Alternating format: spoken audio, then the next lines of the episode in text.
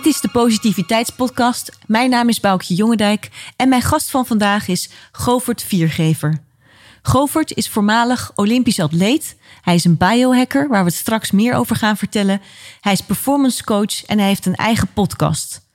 Hij heeft een heleboel geleerd in zijn topsportcarrière en dat probeert hij nu aan iedereen door te geven. Ik heb vandaag ook de eer om met hem in gesprek te gaan en een hoop van hem te leren. En hier is Govert Viergever. Ha Govert, goedemiddag. Wat leuk dat je er bent. Ja, via Hey, Skype. Bout. Ja, ja, goedemiddag inderdaad via Skype. Niet, niet direct in dezelfde kamer, maar toch, we zijn er. Ja, we zijn er. Dankjewel. Heel erg leuk dat je op mijn uitnodiging bent ingegaan. En ehm, ik zou het erg tof vinden als jij misschien even iets over jezelf wil vertellen... voor de mensen die jou nog niet kennen. Mm, ja, dat is wel best wel moeilijk, want het is best wel een lang verhaal. Eh, maar ehm, ik zal de, de beknopte versie geven. Ik was een klein jongetje. Eh, letterlijk en figuurlijk. Voor een, ehm, eh, ik wilde Olympische toproeier worden. Als klein jongetje. Maar op een gegeven moment kwam ik erachter dat ik niet verder groeide dan eh 1,83 meter. En ehm, al mijn concurrenten die wer- waren 2 meter, oh, echt? 1,95, 1,97. Dat is een beetje de lengte die je als roeier nodig hebt. Want Mhm. je kent misschien wel de uitdrukking lang halen, snel thuis. Ja. Dat geldt in principe dus voor het roeien. En ja, die, gaan gewoon, die jongens gaan gewoon meestal harder dan de kleinere jongens. En zijn zoals bij basketbal, zeg maar. Hetzelfde. Ja. Ja, hetzelfde. Dus ja, dus ik moest een, eh, een soort van andere manier gaan vinden Mhm. om die grote jongens te kunnen verslaan. En om dus die Olympische Spelen alsnog te kunnen gaan bereiken. En een van de dingen die ik toen heb gedaan, is eigenlijk op een, in een heel vroeg stadium alles aan mijn lichaam te verbeteren wat er te verbeteren valt. Op het gebied van voeding, mentale prestaties, eh, of, eh, voeding en, ehm, en spieropbouw en eh, herstelmogelijkheden. Mhm. Eigenlijk biohacking avant la lettre. Eh, daar En hoe oud was je toen, toen je echt met de eerste probeerselen op dit gebied begon? Want je zegt als klein jongetje had je die droom en ontdekte je op een gegeven moment ook dat je, nou ja, niet die eh, eh, ideale lengte ging bereiken. Ja, dat was ongeveer. ehm, ik denk dat ik ongeveer eh 15 jaar oud was. Oké.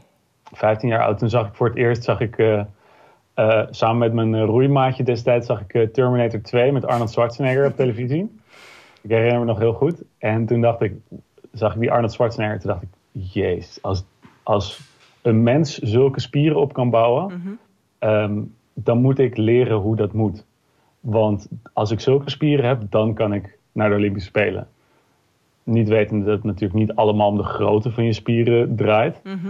Maar dat het ook om de kwaliteit en, de, en, de, en, de, en, het, en, de, en dus het uithoudingsvermogen, et cetera, noem het maar op.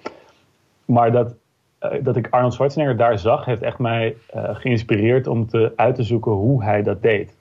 En dat ik, dat ik daarvan kon leren, dat was een heel nieuw concept. Van, hé, hey, wacht even, ik kan iemand nadoen die al succes heeft bereikt, wat ik ook wil bereiken. Mhm. En als ik dan zijn principes als het ware overneem en in mijn eigen leven toepas, dan, ja, dan, dan moet ik wel beter worden. Ja. En dat concept, ja, dat was, dat was heel nieuw voor mij toen. En ben je echt hem daadwerkelijk gaan eh, analyseren en gaan nadoen? Of had je een andere inspirator die daar dan Nee, bijvoorbeeld op het eh, eerste. roeivlak? Dat kwam later pas, want ik had natuurlijk altijd wel voorbeelden op het gebied van roeien. Mhm. Maar ehm, ja, dat waren toch allemaal jongens die veel groter waren dan ik. en op een gegeven moment kwam er natuurlijk wel iemand die... eh, een van mijn andere voorbeelden is dan Gijs Vermeulen, toproeier ook. Mhm. Die ook eh, relatief klein was. En, ehm, maar ja, ik dacht toch van... Ik moet het, ik moet het op, een, op een andere manier doen. Ik moet het op een... eh, eh, want hij was heel getalenteerd, die Gijs Vermeulen. En ik had toch het idee van... Oh ja, ik ben net niet zo technisch begaafd zoals hij. Mhm. En eh, ik dacht van, oké, dan moet ik het uit, uit de, als het niet uit de lengte gaat, dan moet het maar uit de breedte. En moet ik eh, Arnold Schwarzenegger gaan, eh gaan nabootsen. Mooi. En hoe, eh, even, ik ben eigenlijk nog wel benieuwd, want hoe kwam je als klein jongetje als, als fan van roeien? Was er iemand in je, in je familie of keek je al naar Olympische Spelen? Of eh, waarom was het roeien en niet bijvoorbeeld voetballen? Ja, het is grappig. Mijn vader die heeft geroeid. Mhm. En als uh, heel klein jongetje zijn we een keertje naar het Amsterdamse Bostheater geweest en daar een theatershow gaan bekijken. Wat ik al stom vond, want ik wilde gewoon natuurlijk buitenspelen of whatever. En we reden langs de bosbaan en toen zei hij: Kijk eens, Schoof, daar zijn roeiers. Dat heb ik vroeger ook gedaan. Oh. Dat, en toen zat ik echt wel van: boring. Van, wat, we zitten gewoon in een bootje heen en weer te roeien. Ja. Maar jaren later pas, toen ik eerst gevoetbald had en uh, daar niet bijzonder uh, succesvol in was, in het geheel niet zelfs, uh, toen kwam ik via een gymles op, op een roeivereniging terecht. En daar ging ik in een klein bootje zitten, zo'n skifje. Is een hele lekkere zomerdag. En de coach die nam me mee het water op en ik flikkerde natuurlijk meteen uit die boot in het water. Maar ik klom er weer in en het was heel snel. En in zo'n skifje ga je echt over het water. Dus je zit heel dicht bij het water met een heel smal bootje. Dus iedere beweging die je maakt, die voel je. Maar ook als je er snelheid en kracht in stopt, dan voel je direct wam, zo'n enorme zwieper door dat water heen. En doordat je zo laag bij het water zit, geeft een enorm gevoel van snelheid. En dat, is een, dat was destijds vond ik dat een heel mooi gevoel. En ook het gevoel dat ik iedere, iedere uh, beweging en iedere kilojoule aan energie die ik erin stopte, die kreeg de boot terug. Als Ja. het ware. Dus je ziet een heel erg direct overeenkomst tussen een, of een correlatie tussen input en output. Mhm. Dat, vond ik een, dat, vond ik, dat vind ik nog steeds een heel mooi ding aan roeien. Mooi.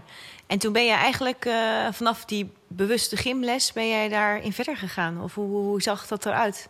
Ja, te gegrepen, echt meteen. Ja, meteen eh, eigenlijk meteen, want de coach die zei ook van, oh, ja, je hebt best wel, eh, je hebt best wel een gevoel ervoor. Eh, dus die zei ook van, oké, kom, maar, kom maar eens met de wedstrijdselectie meedoen. En toen heeft hij me op zo'n op zo'n indoor ergometer gezet.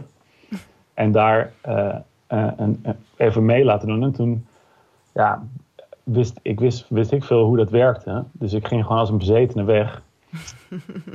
en toen kwam ik er eigenlijk wel achter dat datgene waar ik dan wel veel talent voor had, was een soort bepaalde manier van doorzetten op, op het moment dat het moeilijk wordt. Govert, ik las ook in een interview dat jij eigenlijk zegt dat eh, als het over topsporters gaat op heel hoog niveau, dat bijna iedereen fysiek zo'n beetje gelijk is. Hè? De- maar dat je juist het verschil tussen winnen en verliezen, het hem heel erg zit in de mentale kracht eh, die eh, de mensen hebben, al dan niet hebben. Ja, ja. en dat, dat zit hem vooral in de mentale kracht op dat moment. Dus het moment dat je moet pieken of het moment van de waarheid, dan wordt het onderscheid gemaakt tussen wie het echt graag wil en wie echt op dat moment de beslissing kan maken. Ik ga door dit punt heen dat mijn lichaam zegt ik wil niet meer. Ik ga door dit punt heen dat mijn lichaam schreeuwt tegen me. Stop nu, want je maakt jezelf kapot. Stop nu, want dit is niet gezond voor je. En alle signalen, alle alarmbellen die gaan dan rinkelen. Maar degene die al heel erg goed in zijn hoofd heeft geknoopt van ja, dat punt gaat komen. En ik kies er ondanks al die pijn voor om het toch te doen. Dat is degene die uiteindelijk wint. Ja. En jij gebruikte eigenlijk het werkwoord kiezen. Bedoel je daarmee dus dat, dat, dat je dat jezelf kan leren, dat het een keuze is? Naast uiteraard dat talent. Maar als, als je er even vanuit gaat dat iedereen fysiek gelijk is, komt het op dat laatste beetje aan. Ja, precies. En dat is een van de dingen die ik op een gegeven moment doorkreeg uit een boek van uh, Viktor Frankl.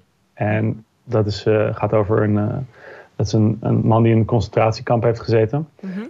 um, en die kwam erachter dat zelfs op het aller, allerkutste moment mm -hmm. hebben we nog steeds uh, de mogelijkheid in onze hersenen om te kiezen tussen ga ik de hoop opgeven of ga ik doorzetten.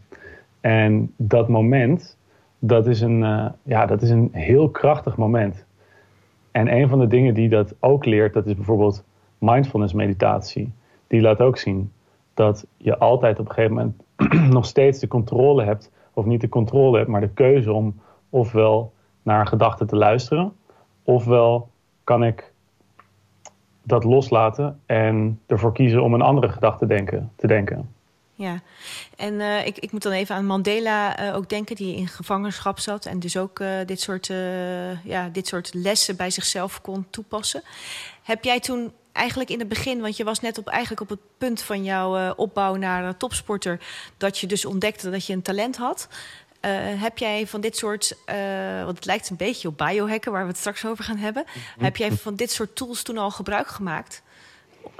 Naast het echt harde trainen van gewoon het roeien zelf? Ja, eerst niet natuurlijk. Mhm. Want dit leer je pas op het moment dat je eigenlijk het ook een paar keer verneukt hebt. Mhm. En uh, een van de momenten dat ik het dus grandioos verneukte was op een junioren-WK. Waarbij ik echt, nou ja, zo hard getraind had, had ik nog nooit gedaan. Mhm. Eh, en met mijn ploeg haalde ik de finale op 1 tiende van een seconde haalde ik het niet. En toen moest ik eventjes eventjes terugkijken. Allereerst ben je aan het balen en ik lag hyperventilerend in die, in die boot, helemaal, helemaal kapot. En waar was dat, uh, Govert? Dat was een junioren-WK in Amsterdam. Oké. Waar ook uh, mijn moeder kon kijken en die zag mij even vervolgens helemaal, oh. helemaal apengapen daar in die boot liggen. En mhm. werd ik naar de ziekenboeg gedragen. Mhm. Ja, maar terugkijkend op dat moment heb ik moeten beseffen van, ja, er waren in die race momenten dat ik me in heb zitten houden, omdat ik bang was om die pijn aan te gaan. Om door te zetten mhm. op dat moment. En toen moest ik wel bij mezelf een soort van beseffen van, hé, hey, wacht even Govert, je kan nog beter, maar dan moet je wel op dat moment kunnen kiezen. Ja, dat is wel bijzonder. Ja, en dat heb je uh, geconstateerd bij jezelf. Je, je, zegt terecht, daar heb je gewoon allerlei uh, tegenslagen ook voor nodig. En je bent daarna dat gaan analyseren en ermee aan de slag gegaan. Is het zo simpel of was het vallen en opstaan? nee, want je, je bent natuurlijk jong en je hebt... Uh, kijk, het internet was toen nog niet zo vol met allerlei YouTube-filmpjes die je van alles leerde. Mhm. Maar um, wat ik wel leerde toen was dat er in de krant las, las ik een stuk over de Iceman die Nederlandse Wim Hof. Ja. En ja, dat was toen nog, nog, een, nog een gekkie die in het Vondelpark zwom en mm mensen heel erg raar vonden. Maar hij claimde toen al uh, dat hij zijn parasympathisch zenuwstelsel kon beïnvloeden. En ik had me toen al heel erg ingelezen over de menselijke fysiologie, over spieropbouw en hoe dat werkt ook met het zenuwstelsel. Dus ik zag in van, hé, hey, wacht even, deze man claimt dat hij iets kan doen wat zijn parasympathisch zenuwstelsel, zijn herstelsysteem, kan beïnvloeden. En toen ging er bij mij een soort van spider sense ging aan van hé, hey, wacht even, ik, ik, ik vang hier iets op mhm. wat potentieel me verder gaat helpen. En toen bleek hij net voor het allereerst deze methode ook te gaan leren aan een, aan een groep mensen, omdat hij die mee wilde laten doen aan een wetenschappelijk onderzoek in, het, uh, in de Radboud Universiteit. Ja. En uh, toen heb ik dus uh, als allereerste van de Iceman heb ik zijn technieken mogen leren. En dat heeft de hele, het hele mentale slash meditatie gebeuren bij mij in gang kunnen zetten. Daarvoor had ik geen idee hoe het werkte. Nee, ik heb recent Koen de Jonge geïnterviewd. Die met hem heeft meegelopen ook en het boek met hem heeft geschreven. En, ah ja. Ja, Dat, dat, is heel mooi wat dat teweeg kan brengen. En dan ben ik even benieuwd, was dan, want je zit natuurlijk, je hebt altijd geroeid in, in teamverband, hè? Mhm. Waren dan jouw teamgenoten hier ook mee bezig? Of zeiden die van, joh, Gover, waar ben jij al mee, mee bezig voor rare kost? Of, of had je meer mensen die dat, ja, die toch die, die uh, ja, nieuwe foefjes, uitvindingen, die dat met jou samen op zoek gingen? Nou, ik heb natuurlijk een enorme bak aan ridiculisatie over me heen gehad. Dat ik uh, in koud water ging zwemmen en, uh, en rare shakes en supplementen at. Mhm. En. Ja, dat is, dat is in het begin lacht iedereen je uit. Mhm. Maar op een gegeven moment, als je resultaten behaalt, dan gaan mensen ineens kijken van... hé, hey, wat, wat, sorry, wat, wat had je nou net? Of wat, uh, hoe, hoe, hoe trainde jij nou deze winter? dan gaan ze in één keer op een andere manier naar kijken. En teamgenoten gingen dan ook wel dingen overnemen. Maar het, het, het, het, het, het grappige wat ik zag bij teamgenoten en bij concurrenten overigens ook, dat die heel veel vertrouwden op het, laat zeggen, talent wat ze hadden gekregen. En niet zozeer op het verbeteren van hun zwaktes. En dat was juist een van mijn sterke punten, was dat ik ook mijn zwakke punten ging, ging aanpakken. En zij maakt eigenlijk alleen maar hun sterke punten sterker. Ja. En is uh, bijvoorbeeld jouw coach op een gegeven moment ook uh, meer deze kant op gegaan? In, zijn algemeenheid? Of, of, of heb je dat toch eigenlijk altijd in zekere zin op eigen houtje gedaan ja, voor jezelf? Ja, het was redelijk op mijn eigen houtje, omdat coaches ook niet zo diep in deze materie zitten. Mm -hmm. Ook niet zo, meestal ook niet zo vooruitstrevend zijn. Nu heb ik toevalligerwijs, omdat ik zelf ook een podcast heb en veel coaches interview, kom ik wel mensen tegen die, daar, die ook met dit soort dingen bezig zijn. Mhm. Maar uh, nee, je moet zo erg op, op on point uh, van, van, de, van de huidige ontwikkelingen zitten, mm -hmm. dat je bijna een fulltime job nodig hebt om, om, om dit, dit soort dingen uit te zoeken. Ja. ja. Dat deed ik dus. Dat was het enige waar ik mee bezig was naast het roeien. Mm -hmm. Was gewoon de hele dag door zat ik onderzoek te doen naar dit soort zaken. Ja, en wat waren in die tijd de gekste dingen die je hebt gedaan? Poeh, um, nou ja, dat ijszwemmen was destijds heel raar. Ja. Ja, nu, nu, doet, uh, nu doet iedereen en zijn moeder het. Mm -hmm. Maar um, dat was destijds heel raar. Um, ik had een, uh, een slow juicer waar je, waar je gras doorheen uh, kon persen. Dat vonden ze ook heel raar. Ja.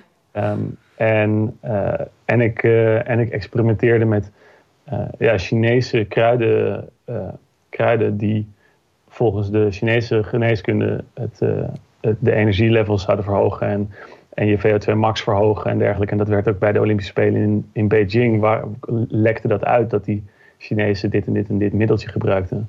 En dat was geen en, doping. En dat was dus, en dat was dus geen doping. Uh, want dat ik was altijd inderdaad op zoek naar datgene wat wel werkte als doping, maar geen doping was. Ja.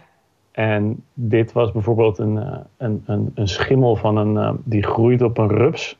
En die rups die wordt langzaam van binnenuit overgenomen door die parasitaire schimmel. Okay. En, die, en die rups die, die eet je dan. Ja. Die schimmel die erop groeit. Mm -hmm. En dat, dat groeide alleen in het Tibetaanse hooggebergte. En die Chinezen betalen daar goud geld voor. En dat uh, was dus een middel om de prestaties te verbeteren. En rammend smerig. Echt, echt zo smerig dat ik het at en dan met rende naar de badkamer en mijn tanden ging poetsen. En omdat het gewoon echt zo smerig was. Mm. En dat heb ik ook wel aan mijn teamgenoten. Hebben we een tijdje gehad dat we dat samen hadden genomen. Ja. En dat was een soort ja, dat was bijna een soort van overwinning op zich als we dat middeltje binnen hadden gekregen. Mooi. Ja, en op een gegeven moment, uh, jij, jij bent dus vanuit het beginnen, uh, als we dan in grote uh, zeven mijlslaars er even doorheen lopen. Jij bent op een gegeven moment bij, een, bij de Amsterdamse Studentenvereniging gaan roeien. Mm -hmm. En, en wat, wat zijn jouw hoogtepunten in, in de roeicarrière geweest? Bij de Amsterdamse Studentenroeivereniging Neerhuis heb ik twee keer um, mee mogen doen aan de, aan de varsity. En die ook twee keer mogen winnen. En dat is ja. in, in roeiland is dat, uh, wordt op dezelfde hoogte gesteld als een Olympische medaille halen. Ja. Omdat het gewoon zo'n bizarre gewaarwording is dat je een, een, een, een wedstrijd wint waarbij de hele vereniging, de hele kant uh, het water in springt om jou te feliciteren. En Mooi, daar ja. de boot dan vervolgens zinkt. En, je, en, en de avond een, een feest is met gratis drank voor iedereen. Geweldig, ja. En iedereen zingen en noem het allemaal op. Dat is een, dat is een absoluut hoogtepunt en geweest. welke jaren is dat geweest, Govert? Van, uh... 2012 en 2014. Ja, ja. En um, in 2016 natuurlijk uh, de Olympische Spelen mee, mee, mogen maken. Dat was van Rio de Janeiro. Ja, klopt. Ja, ja. En, en je bent uh, vanuit dus eigenlijk de studenten uh, en de varsity overwinningen... ben jij, uh, hoe, hoe, moet ik me dat voorstellen, ben je geselecteerd? Of, of ben je, hoe ben je bij de Olympische Spelen gekomen? Door steeds meer, ja... Ja, ja um, ten tijde ongeveer van die 2012 overwinningen werd ik, werd ik ook gescout. Mm -hmm. En toen mocht ik als eerste een beetje mee trainen... Ja. En dan moet je een beetje jezelf gaan bewijzen in zo'n groep. En uh, ja, toen heb ik ook, uh, toen heb ik ook zo, zo de ballen uit mijn broek getraind. Daar kan ik nu nog, kan ik nu nog bijna nachtmerries van krijgen van hoe moe ik destijds was en hoe hard je trainen. Mm -hmm. uh, maar ja, daar heb ik me wel inderdaad bewezen voor, de, voor de coaches die, die ook door hadden van... hé, wacht even, deze jongen heeft toch wel net even iets, iets in zijn mars... wat, wat, niet, wat niet helemaal uh, normaal is. Of in ieder geval mm. anders dan die grote gasten. En toen werd ik ook dan op een specialistische plek gezet in de boot. Waar je toch wel uh, ja, echt uh, een bepaalde vorm van techniek en doorzettingsvermogen voor nodig hebt om en zo een, een, een, ploeg echt iets, echt iets unieks mee kan geven. Mooi. Dan ben je eigenlijk, ja, ik weet niet precies die specialistische plek. Dan ben je eigenlijk degene die, want je hebt geen stuurman hè, op dat moment, als ik het goed heb begrepen. Maar wat, wat is dan jouw. Dan ben je voor het team degene die het moet regelen? Of, nee, dan ben je, dan ben je. Dat heet de slagman. Ja. En je geeft het uh, ritme aan. Je bepaalt eigenlijk welke ritme de ploeg gaat roeien. En, de rest volgt. Ja, de rest volgt mhm. dat ritme. Mhm. Als het goed gaat. Mhm. En dan bepaal je eigenlijk uh, wat voor soort slag er geroeid wordt. En uh, ja, dat kan je net zo zien als in het dans. Dat jij degene, of als een dirigent, als degene die uh, een soort van zijn, zijn, zijn, zijn eigen sportieve stempel uh, maakt en drukt op een, op een ploeg. Ja, en een grote verantwoordelijkheid natuurlijk ook naar je, de rest van je team. Uh, heb je ja, ja, ja. Je, Moet, je moet absoluut een bepaald soort, een bepaald soort uh, leiderschap uh, hebben om dus heel bepalend te zijn in een, in een team. Ja, en, en heb je daar dan ook, uh, want jij, jij maakt echt best wel uh, uh, onderscheid tussen fysiek trainen en ook mentaal trainen. Ik kan me voorstellen dat mentaal, ja, dan moet je ook wel echt wel dat heel goed in de gaten hebben hoe je dat moet doen. Dus dat die mentale kracht dan ook van pas komt. Of, mm -hmm. of zie je dat anders? Oh nee, absoluut. Absoluut. Je, bent, je, hebt, een, je hebt een enorme verantwoordelijkheid mm -hmm. en enorme hoeveelheid druk die erbij komt kijken. Ja. En daar moet je mee om leren gaan. Dus je moet heel cool kunnen blijven Mhm. op het moment dat er, dat er, eh, dat er, dat er ja, shit serieus wordt. Ja. Dus daar heb ik een heleboel moeite voor moeten doen om, dat, om die skill te leren om cool te blijven en rustig te blijven in de situaties waarin, je, waarin er helikopters overvliegen met, met camera's en, Mhm. en, eh, en, er, en, iedereen naar je kijkt, om het zo maar te zeggen. Ja. Gaaf. En even voor de luisteraars, waar heeft het jullie gebracht in Rio? In Rio werden we vijfde. Ja. En uh, dat vond ik toen heel kut, maar nu nee, kan ik mooi. wel met, met, uh, met een heleboel trots op terugkijken. Ja, dat is echt heel prachtig. Ja. Hey, en Govert, hoe heeft het voor jou uh, daarna eruit gezien? Want als ik het goed heb, was, was dat 2016. Mm -hmm. en jij bent daarna vol, volgens mij ook nog in die topsport blijven roeien. Ja, ik heb toen nog een. Um, toen, toen dacht ik natuurlijk na 2016 16, dat we vijfde werden, dacht ik natuurlijk: oké, okay, volgende keer ga ik er nog een keertje heen en worden we eerste. Ja. uh, en uh, toen zijn we met dezelfde ploeg zijn we nog een jaar doorgegaan en toen, toen werden we vierde op de WK. Toen dacht ik: oké, okay, nou, ja. hoe is het in de lijn als we dit ja. doorpakken? Dan zijn we in 2020 zijn we Olympisch kampioen. Ja. Um, maar toen, um, nee, toen kwam eigenlijk een beetje uh, de moeilijkheid erin dat er ook hele nieuwe jongens bijkomen. En dat er politiek gezien dingen veranderen. En blessures gooien ook goed in het eten. En zo kan in één keer een hele korte tijd kan, kan een carrière eigenlijk omslaan. Mm -hmm. En merkte ik eigenlijk ook dat, er, um, dat ik in mijn uh, ja, diep van binnen voelde van...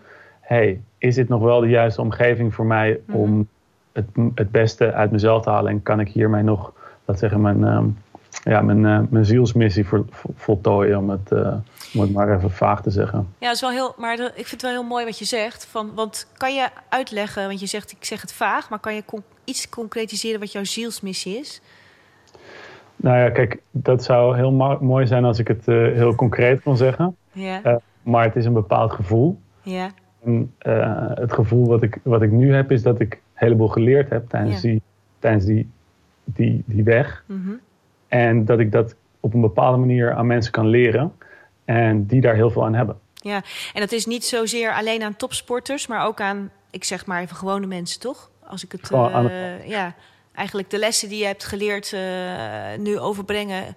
Als, als podcaster, als coach, als schrijver aan, aan de mensen, toch? Ja, ja. Ja. En dat vind ik ook hartstikke. Ik merk ook dat ik dat hartstikke leuk vind. Dus dan heb je een soort van mooie mix tussen datgene wat je leuk vindt, datgene waar je eh, waar, je, waar je gelukkig van wordt. Ja. Eh, en datgene waar je voor betaald kan worden. En dan heb je echt Heb een je goede het mix. goede, ja. Ja, ja, ja. Dus jij zegt eigenlijk, ja, er waren wat, eh, wat, wat omstandigheden om mij heen die, ja, die wereld ook anders maakten. Maar heb je uiteindelijk zelf de knoop doorgehakt om, om de andere kant op te gaan? Of is het je meer overkomen? ja het, het, het, het overkwam me. Terwijl ik zelf ook al. Het is zo'n heel raar moment waarin je al zover alles hebt geïnvesteerd dat je niet meer, eh, niet meer kan opgeven. Mhm, Maar je eigenlijk wel weet van hé, ik moet hier weg. Eh, maar je zit zo diep in de, in de, in de maalstroom mhm, dat je er ook niet zelf meer uit kan. En dan ga je dus jezelf, eh, denk ik, ja, mensen ruiken dat ook, weet je. Dus mhm. coaches en, en teamgenoten die roken ook al aan van hé, die Govert die is niet meer de, dat is niet meer de oude Govert die we, die we kenden, weet je. Terwijl die zat er nog wel in. Ik won nog wel af en toe wedstrijden, weet je. Mhm. Maar eh, ik kon niet meer zo hard trainen. En ik kon niet meer ehm, die, die echte motivatie, die prepare to die Mhm. eh, motivatie, kon ik niet meer opbrengen. Ook al wilde ik het heel graag. ja. En toen? Wat heb je gedaan, zeg maar? Ja, toen, toen ben ik van de, van, de ene, van de ene dag op de andere dag gewoon helemaal, eh, helemaal ermee gestopt. Oké. En ehm, ja, nee, gelukkig heb ik toen wel eh, Pieter van der Hoogband, die is chef de mission. Mhm. Ehm, en die heeft toen eh, wel mij bij de hand genomen en gezegd: Ja, Govert, we gaan, we gaan even iets anders voor jou verzinnen. Eh, dus die, sindsdien, sindsdien ben ik podcaster geworden. Ja, superleuk. Ja. voor, voor de stichting van Pieter van der Hoogband. En, en voor mezelf nu ook. Ja. En, en heb, ik het, heb ik het om kunnen vormen in een soort in een, in een coaching, in een coaching business. Ja, en ben je heel inspirerend, want zo heb ik jou ook gevonden.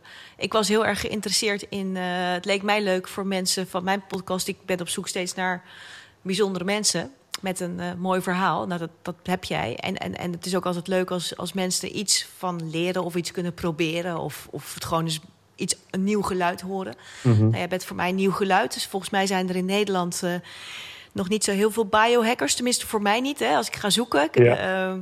en dan kom je. Veel gevonden. nee. Nee, dan kom je bij jou uit. En eh, ik zou het heel graag met jou daar nog eens even over hebben. Van zou je gewoon eens aan de mensen die zitten te luisteren en die het fenomeen niet kennen, zou je gewoon willen uitleggen wat biohacking überhaupt is? Ja hoor. Het is in feite wat, wat ik net schetste. Mhm. Kan je van je lichaam en je geest, hoe kan je daar aan bepaalde knoppen draaien? Mhm. En bepaalde trucjes of lifestyle veranderingen toepassen. Waardoor het allemaal net even beter gaat werken. Waardoor je net even iets sterker wordt. Wanneer je net eventjes iets minder stress ervaart. Waardoor je net eventjes iets meer ehm, energie ervaart gedurende de dag. Of minder inkakkers. En daardoor kan je uiteindelijk als topsporter... gaat het gewoon secondes opleveren. Dat is heel duidelijk. Mhm. Maar als normale sterveling levert je dat je gewoon meer eh, levensvreugde op, hogere productiviteit op je werk, Mhm. eh, meer energie gedurende de dag, krijg je gewoon meer gedaan. En een bepaald soort bewustwording van alle processen in je lichaam die meespelen, waardoor je uiteindelijk, uiteindelijk gewoon een chill leven hebt. Ja. Zo zie ik het. Als ik het zo beluister, eh, ik weet niet of ik het dan goed beluister, maar er hoeft niet in eerste instantie een probleem te zijn. Het kan juist, het is toch de, de idee ook van jou van je bent mens en, en eh, het uitgangspunt is voor iedereen anders, maar je hoeft niet per se ziek te zijn of zo om hiermee toch aan de gang te gaan. Het is toch juist Nee. ook eh, Ja. om wat er al is te verbeteren of, of eh, Klopt, ja. De meeste mensen die beginnen wel vanuit een bepaald ziektebeeld, beginnen ze. Omdat Ja. ze dan uiteindelijk niet meer bij de dokter... Kijk, het zijn meestal dan vage klachten of zo. Mhm. Darmgerelateerde klachten of eh, energiegerelateerde klachten. En dan zie je dat je bij een arts niet, eh, niet goed wordt geholpen. En dan gaan ze op internet zoeken. En zo kom je dan bij, eh, bij bepaalde ja, mensen die, die het al een keer op- eerder opgelost hebben. En in biohacking werkt het zo dat er tegenwoordig een heleboel, laat zeggen, particuliere laboratoria of meetinstrumenten te vinden, te vinden zijn. Die dingen kunnen meten, zodat je op een gegeven moment een eigen diagnose kan stellen. Bijvoorbeeld door middel van een ring die je slaapfases meet. Of eh, die je hartslag eh, en je stressniveau kan meten. Of door een eh, DNA-test die je kan doen, waardoor je kan zien: hey, ehm, zet ik bijvoorbeeld bepaalde B-vitamines wel goed om? Of moet ik, moet ik in de winter juist meer zon hebben? mhm. Ehm, en darm, darmtesten die kunnen laten zien van hey, heb ik, heb ik wel de juiste bacterieculturen in mijn systeem zitten? Of um, moet, ik, moet ik meer vezels eten? Mhm. En, uh, of, of, en dan precies kun je ook tegenwoordig zien welke soort vezels je moet eten of welke bacteriën je moet Mhm. doen om die balans te herstellen. Oké, Ja, dat zijn. want eigenlijk, eh, dat zijn eigenlijk eh, soort meetinstrumenten. Kan jij aangeven, ze- zeg maar, wat, waar biohacking op wat voor soort items dat ziet? Dat is eh, bijvoorbeeld voeding, maar zijn er nog meer onderwerpen waarin het spectrum van biohacking zich kan afspelen? Ja, ja, ja absoluut. Je hebt ehm, de, de, de meest voor de hand liggende en waarmee de meeste mensen beginnen is voeding. Ja, Dat je uit gaat zoeken welke, welke voeding voor jouw biologie het, het allerbeste is. Daarnaast heb je ook eh, meditatie en stress. Dus hoe kan je in jouw leven stress naar beneden halen? Eh, en vaak zie je dan dat mensen toch een bepaalde skill als meditatie of mindfulness daarvoor gebruiken. Je kan je, ehm, je huis en je omgeving kan je helemaal optimaliseren. Zodat je bijvoorbeeld, eh topsporters doen het al met een, het juiste bed uitzoeken. ja of ze slapen in een tent, heb ik wel eens gehoord. Ja, of in een tent slapen ze een soort hoogte, een hoogtekamer simuleert of een, eh, of een stage simuleert. Mhm. Ehm, maar ook bijvoorbeeld als jij op je computer zit en je kijkt nog tot laat naar een scherm dat er blauw licht in je, in je- op je netvlies valt, die je melatoninehuishouding verstoort, waardoor je minder diep slaapt. Eh, dat, soort, dat soort zaken, dus licht en ehm, eh, ja, licht, stress, voeding. Ehm, nou, dan vergeet ik er vast nog een paar. Ja, maar- misschien ook wat jij net zei, koude en misschien warmte ook Oh wel. ja, precies. Van, Ja, dus dat zijn, eh, dat zijn, dat zijn factoren, temperatuur. ja. Ja, sauna's bijvoorbeeld. Mhm. Die hebben, een, hebben hetzelfde, eh, eigenlijk hetzelfde, maar dan tegenovergestelde effect als dat je gaat koude zwemmen. Worden bepaalde metabole processen worden in je lichaam worden aangezet of uitgezet. Waardoor je sneller kan herstellen. En dat maakt niet eens uit of het nou van sport is of van de stress die je gewoon op dagelijkse basis ervaart van het normale leven. Als je daar al een bepaalde vermindering in krijgt, dan Mhm. hou je meer energie over om leuke dingen te doen. Zo simpel is het. Ja, en ehm, eigenlijk is het dus voor elk mens zou het handig zijn. En eigenlijk, want het is eigenlijk, het is biohacking is, is het verbeteren, maar het is ook een soort eh veroudering eh, tegen te gaan. Hè? Van, eh, Maar eigenlijk, als ik het zo beluister, zou je er nu mee kunnen starten en niet pas als het nodig is. Ja, ja, precies. Ja, inderdaad, wat je net zegt, er zit een bepaalde. ehm, een bepaald, datgene wat je, wat je doet, heeft, heeft effect over, over, over jaren. Dus als je er nu mee begint, Mhm, dan heb je eigenlijk een. eh, dan treedt het verouderingsproces. mhm. Dat treedt pas later op of langzamer op. Dat is voor veel mensen, eh, daar heb ik me destijds nooit echt op gericht.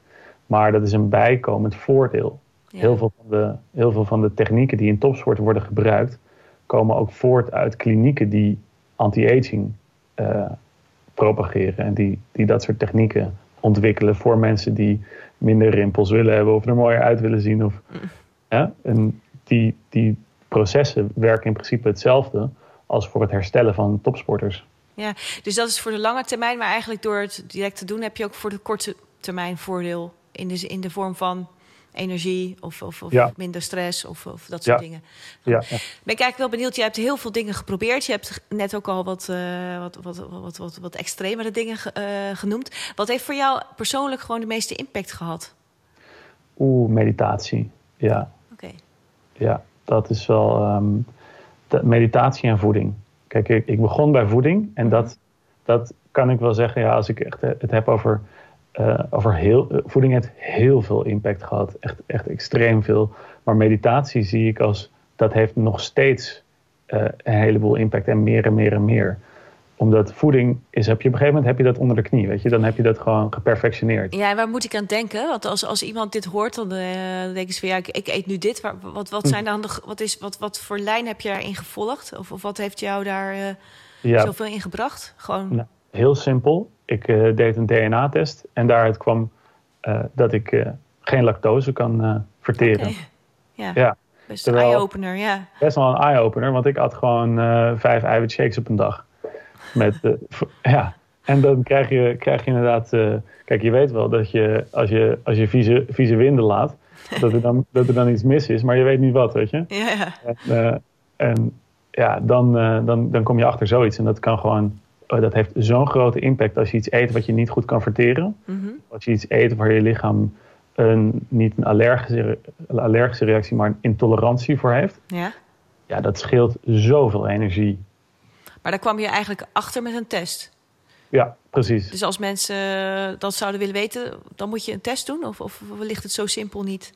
Kijk, ik, als ik terugkijk, dan denk ik van... ja, had ik dat kunnen weten? Tuurlijk. Want ik liep de hele dag vieze winden. En dan, dan, weet je dat er iets, dan weet je dat er iets niet goed is. Niet goed is. Maar uh, ja, als je dat al je hele leven doet... dan, is er, uh, dan weet je ook niet hoe het wel kan. Ja. En dat zie je met zo'n test in één keer van... oh, wacht even, het staat hier zwart op wit. Mhm. Ik heb een, een officiële verklaring van mijn intolerantie. ja, ja.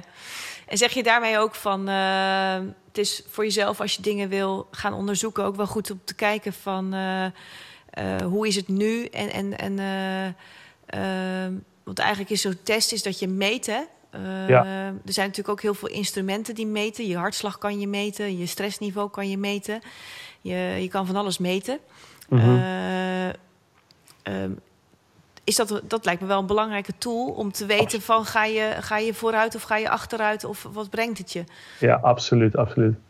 Dus daarom, ik zeg ook altijd, ik heb een heleboel fouten daarin eerst gemaakt door gewoon meteen maar te beginnen met een bepaalde hack of een bepaald uh, middel of een tool om jezelf te verbeteren, zoals bijvoorbeeld heel veel proteïnepoeders eten. Uh, de, ja, zoals, je, zoals ik net zei, dat resulteert niet altijd in een positief effect. Nee. Hoewel ik er wel eerst in eerste instantie spieren van opbouwde. Mm -hmm. Maar um, ja, dus daarom, ik zeg ook altijd, check yourself before you hack yourself. Dat is wel heel leuk, want ik had jou gevraagd om een spreuk en daar, daar is die dan. Ja, maar dat, dat bedoel jij inderdaad met uh, bepaal je uitgangspunt. Dan kan je ook kijken van, uh, want misschien zijn er ook wel dingen die je daarna gaat proberen die uh, nog onder je nulpunt geraken. Als, je, als, je, als het toch een verkeerd effect heeft. Inderdaad. En je moet gewoon een soort van base level hebben om te kijken ja. of datgene wat je, wat, je, uh, wat je wil verbeteren ook daadwerkelijk verbetert. En ik zeg ook wel, dus een andere, what, get me, what gets measured gets improved. Dus het ziet het gewoon zo vaak ook bij mijn cliënten van het, alleen al het meten mm -hmm. van de, laat zeggen, de hoeveelheid slaap of het meten mm -hmm. van de hoeveelheid eiwitten of uh, koolhydraten die ze binnenkrijgen, zorgt er al voor dat ze eigenlijk uh, meer van het goede gaan doen. Ja, en je wordt bewust. En ik kan me ook wel voorstellen, dat heb ik zelf ook gewoon wel ondervonden met hardlopen of wat dan ook. Uh, kijk, je hebt een zekere dosis wilskracht. Die is voor iedereen uh, verschillend. Maar als je gewoon meet en je ziet kleine stapjes vooruitgang is dat sowieso ook wel een soort ja, bewijs voor jezelf dat, het, uh, dat je goed bezig bent. Ja, het is bewijs. En het is het, elke keer wanneer je een klein overwinning haalt, komt er een dopamine shotje in je brein vrij. Ja. Wat ervoor zorgt dat, je, uh, dat het zegt, hé, hey, je bent op de goede weg, ga hiermee door. Ja, daar kan je natuurlijk ook enorm in doorslaan, kan ik me zo voorstellen. Want kan jij, meet jij altijd? Of, of kan je ook nog wel bijvoorbeeld lekker hardlopen zonder een uh, hartslag meten? Ja. Of uh, is dat moeilijk? Nou ja, in de topsport wordt, er gewoon, um, word je gewoon als het ware verplicht om je, Oh ja. om je hartslag te doen. Want dan zeg maar, iemand anders haalt de data eruit voor jou. mm -hmm. um, maar nee, zelf kan je ook helemaal gek worden van het meten. Mm -hmm. Dus uiteindelijk is het voor mij en um, uh, is, het, uh, is het het hoogste doel dat ik uiteindelijk mijn lichaam zo goed leer te begrijpen dat ik het ook zonder een meetinstrument kan interpreteren. Ja, dus dat je echt naar je gevoel gaat. Of Precies. dat je je goed voelt en dat je denkt van oké, okay, ik heb de goede Precies. knoppen ja. aangezet. Ja. Maar ja, daarvoor moet je eerst wel eventjes heel goed leren hoe het Ja. systeem En daarvoor moet je eerst heel veel metingen doen voordat je het op intuïtie kan doen. Ja, dat vind ik heel mooi. En nou ben jij eigenlijk, als ik het zo beluister, vanaf je vijftiende al heel erg geïnteresseerd in dit soort onderwerpen. Als je nou Mhm. dit zou horen, dit verhaal, en je denkt, nou, ik zou dat ook wel eens willen proberen of iets willen proberen. Er zijn heel veel tools, heel veel dingen. Je zegt net zelf ook hele verschillende onderwerpen: koude, warmte, voeding. Je kan uh, ja, niet alles tegelijk starten, zeker als je nog nergens mee begonnen bent. Maar Mhm. wat zou voor iemand een stapje kunnen zijn als ze iets aan biohacking willen doen? Mm. Nou, je kan allereerst um, een soort wearable-achtig ding dragen. Bijvoorbeeld een, uh, een Apple Watch tegenwoordig of een Mhm. Fitbit. Mhm. daar, zit, daar zit al zoveel meetapparatuur in dat je daar al een heleboel uh, informatie uit kan halen. Over je hoeveelheid beweging, over je hoeveelheid slaap. En alleen al met die informatie kan je, uh, kan je kijken of je, of je op de goede weg zit. Haal je de hoeveelheid slaap die een, een mens nodig heeft? Haal je de hoeveelheid stappen die je nodig hebt om in, in een juiste conditie te blijven? Ja. Dat is zo simpel. Of um, een, uh, een andere is inderdaad om, een, um, om tegenwoordig zijn DNA-testen zijn vrij goedkoop verkrijgbaar.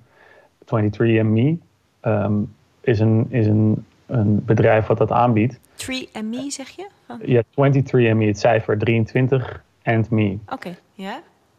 Daar kunnen mensen een, een, een, gewoon een DNA-test uh, laten doen. Mm -hmm. En er komt al echt al best wel een, um, een boel informatie uit. Het is wel basic allemaal. Dus het is uh, niet, uh, laat zeggen, het uh, allerhoogste niveau. En um, met, dit soort, met dit soort bedrijven is het ook altijd zo van... oké, okay, wat, wat gebeurt er met jouw informatie? deze, de, ja, dat, dat is dus ook recent uitgekomen. Dat, um, en dat, dat geldt voor bijna alle wearables en trackers. Dat is een beetje de donkere kant van, van dit verhaal. Is dat ze jouw informatie gewoon gebruiken en verkopen aan derden. Dus ja, ik ben altijd wel een beetje, een beetje voorzichtig met mijn, uh, zeker mijn genetische informatie. Ja. Um, die, gooi ik niet, die geef ik niet zomaar weg aan iedereen. Nee, want dat is natuurlijk ook inderdaad wat je zegt, de donkere zijde. Er zijn natuurlijk op dit gebied allerlei innovatieve uh, ontwikkelingen. Uh, we hebben natuurlijk ook Peter Joosten die een chip in zijn, ja. Ja, ja, in zijn arm heeft geplaatst. En ik kan me voorstellen dat er ook mensen denken... als je er helemaal uh, je in gaat verdiepen van... oh, hebben we dat straks allemaal? Dat het ook een beetje enger kan zijn. Met name ja. als die informatie in verkeerde handen komt. Ja, precies. Nou, het hoeft niet eens echt verkeerde, verkeerde handen te zijn, maar ofwel. Maar kijk, uh, als, uh, als straks Facebook jouw genetische informatie krijgt... dan kan hij alleen al op basis daarvan kan hij hele... Heel goed adverteren. Heel goed adverteren. ja. natuurlijk aan de ene kant fijn is, maar aan de andere nee. kant wat, uh, wat kan je er nog meer mee? Ja, en en uh, wat zie jij nog voor toekomstige ontwikkelingen op dit vlak, die gewoon best wel uh, groot zijn? Of waar, waar werkt men aan? Nou ja, um, het, het, het hele wearable gedeelte van de technologie, dat, gaat, dat staat nog echt in de kinderschoenen. En dat gaat zo'n enorme vlucht maken dat het in iedere telefoon komt of in iedere in, in iedere Apple Watch of iets dergelijks. Dat het gewoon altijd er standaard in zit. Plus als je dat combineert met, uh, met machine learning en artificial intelligence, dan, kun, dan kan je uit die immense hoeveelheid data, kan een machine vervolgens alle, uh, ja, alle informatie omvormen tot, tot bruikbare acties voor jou. Terwijl je dat nu nog allemaal zelf moet doen of er een coach voor moet inhuren die die data kan analyseren. Ja, want uh, uh, Govert, jij bent ook zo'n coach. Je kan mensen ook helpen met, met uh, dit soort stappen te, te, te, te, onderzoeken en, en te nemen? Of hoe, hoe werkt ja, dat? Ja, totdat er, totdat er een artificial intelligence komt die dat in van mij overneemt, ben ik een coach, ja. ja. ja. Mooi. Ja. Nou, leuk. Heb jij, ik vind het erg leuk om straks nog even over jouw nieuwe product te hebben. Maar heb jij nog op dit vlak iets wat je aan de mensen kwijt wil? Iets wat we nog niet hebben behandeld of waarvan je zegt, nou dat is belangrijk of, of kijk daar eens naar? Um, nou, ik denk, dat je, ik denk dat je redelijk voorzichtig ook af en toe moet zijn met dit soort zaken. Mm -hmm. En dat komt ook omdat ik dat niet was, dat ik uh, dat ik zeg. Mm -hmm. En een hoop fouten heb gemaakt.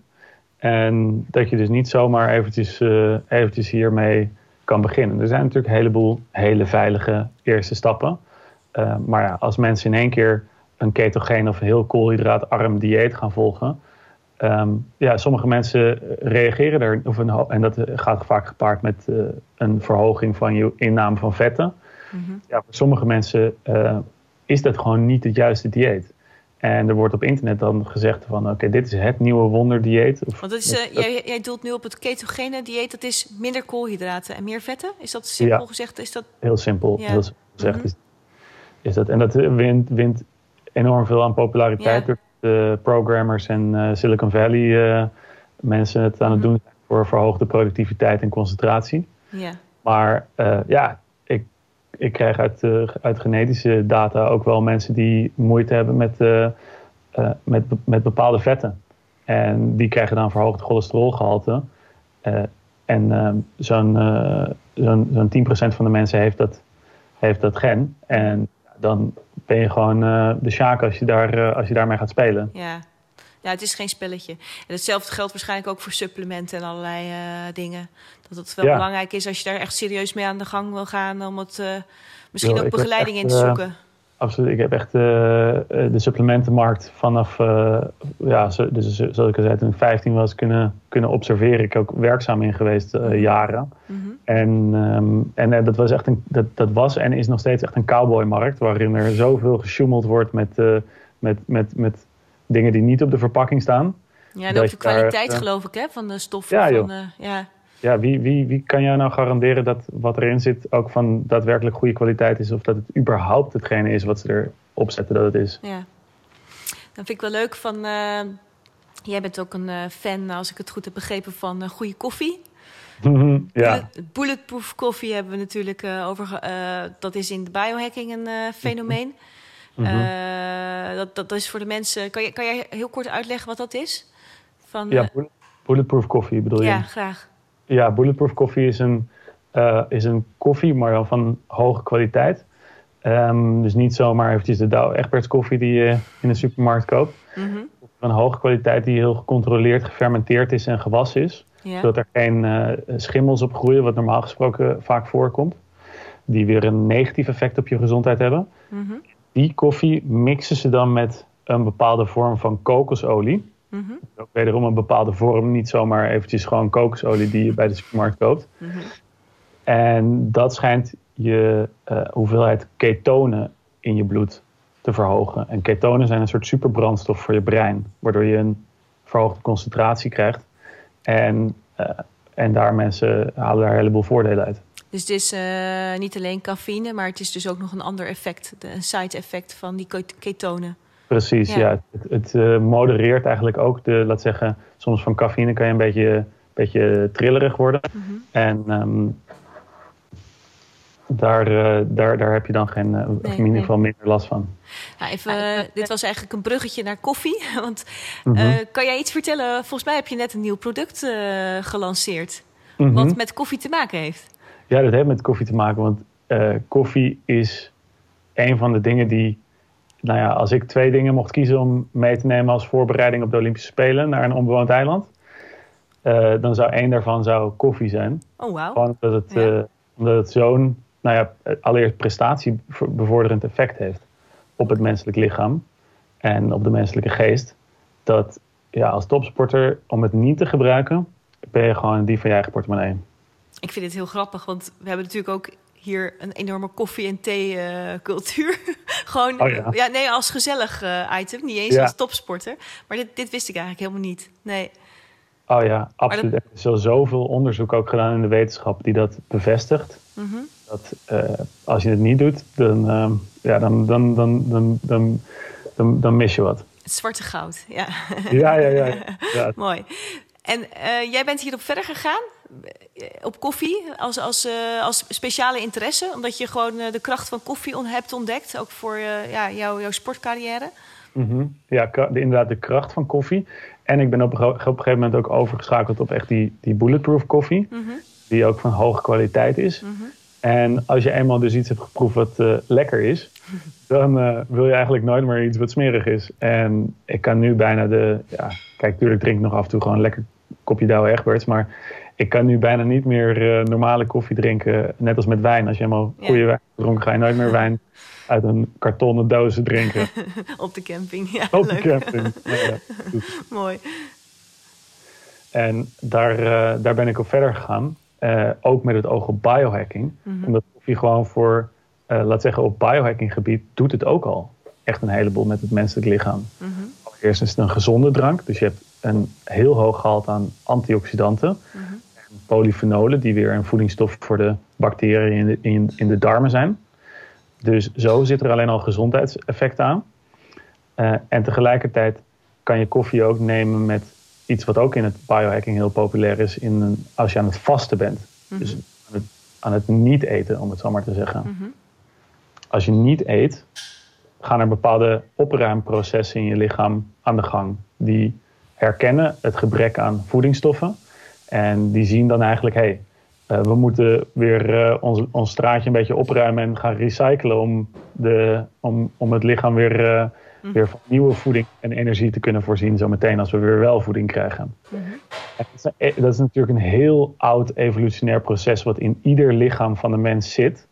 En wordt ook al in, in, in bijna alle tradities wordt wel een vorm van vasten gedaan. Ja. En ja, nu is het inmiddels in de wetenschap ook echt wel heel degelijk bevestigd. En in de sport ook dat het zelfs een prestatiebevorderend effect heeft op het moment dat je ja, sommige dagen aan het vasten bent. Ja, want je hebt nu dat intermittent fasting, maar je zegt eigenlijk het komt uit de oude tijden. Bijvoorbeeld net is de Ramadan afgelopen. Ja. En, en dat is eigenlijk ook in feite deed men dat in een heleboel culturen ook al. En is het uh, goede effecten van gebleken ook op de gezondheid. Ja, ja, ja. en iets wat men altijd al wist. Mm -hmm. En wat men altijd al gedacht had. En wat zelfs bijna een soort van bijna religieus tintje heeft gekregen. Mm -hmm. Het wordt nu door de wetenschap bevestigd dat het ook daadwerkelijk um, op celniveau iets heel positiefs doet. Ja. En wat brengt koffie daarbij, zeg maar? Uh... Ja, koffie is, is, een, is een drank uiteraard waar je energie krijgt. En als je past kun je nog wel eens wat minder energie hebben. Ja. Want je hebt geen eten. Um, en dus het, het, maakt vasten eigenlijk een heel stuk makkelijker. Oké. Okay. En het zorgt ervoor dat je dus net eventjes dat energiekickje hebt op het moment dat je 's ochtends eigenlijk zou willen ontbijten. Ja. Dus dat is, een, dat is een hele makkelijke. Plus er zitten gewoon nul calorieën in. Dus je kan het nog steeds gebruiken tijdens je vasten. Oké. Okay. En wat is jouw nieuwe product, Govert? Ja, dat is inderdaad koffie, maar ja. koud gebrouwen koffie. Dus het is een zogenaamde cold brew. Een cold brew is iets dat je, uh, dat is heel, vrij populair aan het worden. Mm -hmm. En een beetje een hip, een hip soort drankje. Mm -hmm. uh, en um, het wordt ook wel in, um, in, uh, in, in, zelfs in, het wordt zelfs in cocktails en dergelijke toegevoegd als een soort van verfrissende koffiesmaak. Maar dit is, een, dit is het tegenovergestelde. Ik heb hier een soort gezondheidsdrankje van gemaakt. Cold brew, van dus ja. hele hoge kwaliteit aan koffie. Gemixt met een supplement wat voortkomt uit de topsport. En wat is dat supplement? Ja, dat is het supplement waar ik, uh, waar ik je net over vertelde. Oh, eigenlijk sorry. In, ja. in, in China oh, okay. uh, wordt, er, wordt er dus, uh, wordt er, worden er paddenstoelen en dergelijke gebruikt ja. om prestaties te verbeteren oh, okay. van topsporters. En de energieproductie van, uit de, in de Chinese geneeskunde wordt het gebruikt om de energieproductie van mensen die aan het herstellen zijn van een ziekte of gewoon die meer energie willen hebben, om dat omhoog te schroeven. Dus en... het is eigenlijk, als ik het uh, goed begrijp, ik zag hele mooie flesjes op de website staan. Uh, dat is een soort koude koffie gemixt met die bijzondere Chinese paddenstoelen uh, ja. mix. Ja. En dat ja. is, kan je gewoon, kan je dat alleen maar drinken als je een halve marathon gaat rennen of fysieke inspanning doet? Of kan je het ook, is het ook bedoeld als een drankje als je denkt van nou, uh, ik heb even wat meer power nodig, want ik moet, een, uh, moet mijn boek afschrijven, ik zeg maar wat. Mm -hmm. Absoluut. Het is, dus, en ik wilde dat ook ex expres doen, dat het een soort van gezond alternatief is voor Red Bull. Oké. Okay. Voor een dergelijk drankje. Dus dat zou een goede, goed moment zijn om, om het te nemen. Maar wat ik net zei, als je dus aan intermittent fasting doet, dan kun je dit soort dingen heel goed gebruiken. Als ondersteuning nou, van uh, hetgeen je aan het doen bent. Ja, want het, het, het ingrediënt, ook dat Chinese ingrediënt, de cordyceps, die paddenstoel, die stimuleert dezelfde metabole paadjes als dat vaste dat zou doen in je eigen lichaam. Dus die zorgt er eigenlijk voor dat je een soort van 1, 2, 3 combo hebt van positieve effecten van het vasten. Mooi, ja, mooi. Govert, dank je wel, want ik heb uh, een heleboel nieuwe informatie. Ik hoop dat uh, mensen thuis er ook heel veel aan hebben. Mochten mensen met jou in contact kunnen hebben, dan kan ik in ieder geval zeggen dat jij een superleuke podcast hebt. Mm -hmm, mm -hmm. Om te luisteren, waarin jij allerlei ja. experts uh, interviewt en waar je zelf ook je eigen kennis tentoonspreidt. En hoe kunnen mensen jou vinden verder? Mm, de podcast kunnen ze vinden door Govert Forgiver met een 4. Dat ja? is mijn, mijn alter ego. Leuk. Ja. Als, ze dat, als ze dat intypen, kunnen ze dat vinden op YouTube, Spotify en uh, Apple Podcasts. En uh, op, uh, op mijn website kunnen ze contact opnemen voor coaching. Dus dat is www.govertviergever.com. En voor, als ze de koffie willen proberen, kunnen ze naar www.ikigai.coffee. En koffie is dan op zijn Engels geschreven. En ikigai is het Japanse woord voor datgene waar je je bed voor uitkomt. En in dit geval voor een goed bakje koffie. Een goed bakje koffie. Ja. Leuk. Ja, ik zal alle, al die uh, gegevens ook nog eventjes uh, bij uh, de show notes zetten. Maar ik dank je hartelijk. Ik blijf je graag volgen. Ik vind het superleuk wat je doet. En ik hoop dat je nog een heleboel mensen mag inspireren en blij maken. En ja, hartelijk bedankt ja, voor jouw tijd. Govert Forgiver kunnen ze ook volgen op Instagram uiteraard. Dan moet ik er nog wel eventjes, eventjes terloops bij vermelden. Want het zou superleuk zijn als mensen dat ook gaan volgen. Leuk. Nou, hartelijk Dankjewel, bedankt. Jij ook. Ja. En uh, graag nog eens uh, tot ziens in het live. yes, heel goed. Tot Dankjewel. Beste luisteraar, hartelijk bedankt voor het luisteren. Wil je nou meer weten over uh, Govert Viergever? Dan kan je hem in ieder geval vinden op social media waar hij leuke content plaatst. Hij heeft ook een mooie website. Dat is govert4giver.nl. Gespeld G-O-V-E-R-T, het cijfer 4, G-I-V-E-R.nl. En hij heeft prachtige nieuwe koffieproducten en die zijn te vinden op ikigai.coffee.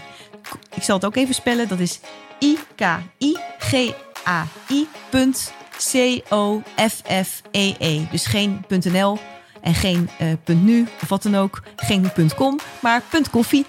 Nou, hartelijk bedankt. Tot graag tot de volgende keer. Over twee weken hebben we weer een leuke gast voor jullie. En jullie weten het. Check yourself before you hack yourself. Namens Govert Viergever. Alle succes met alles wat je doet. En graag tot de volgende keer. Dankjewel.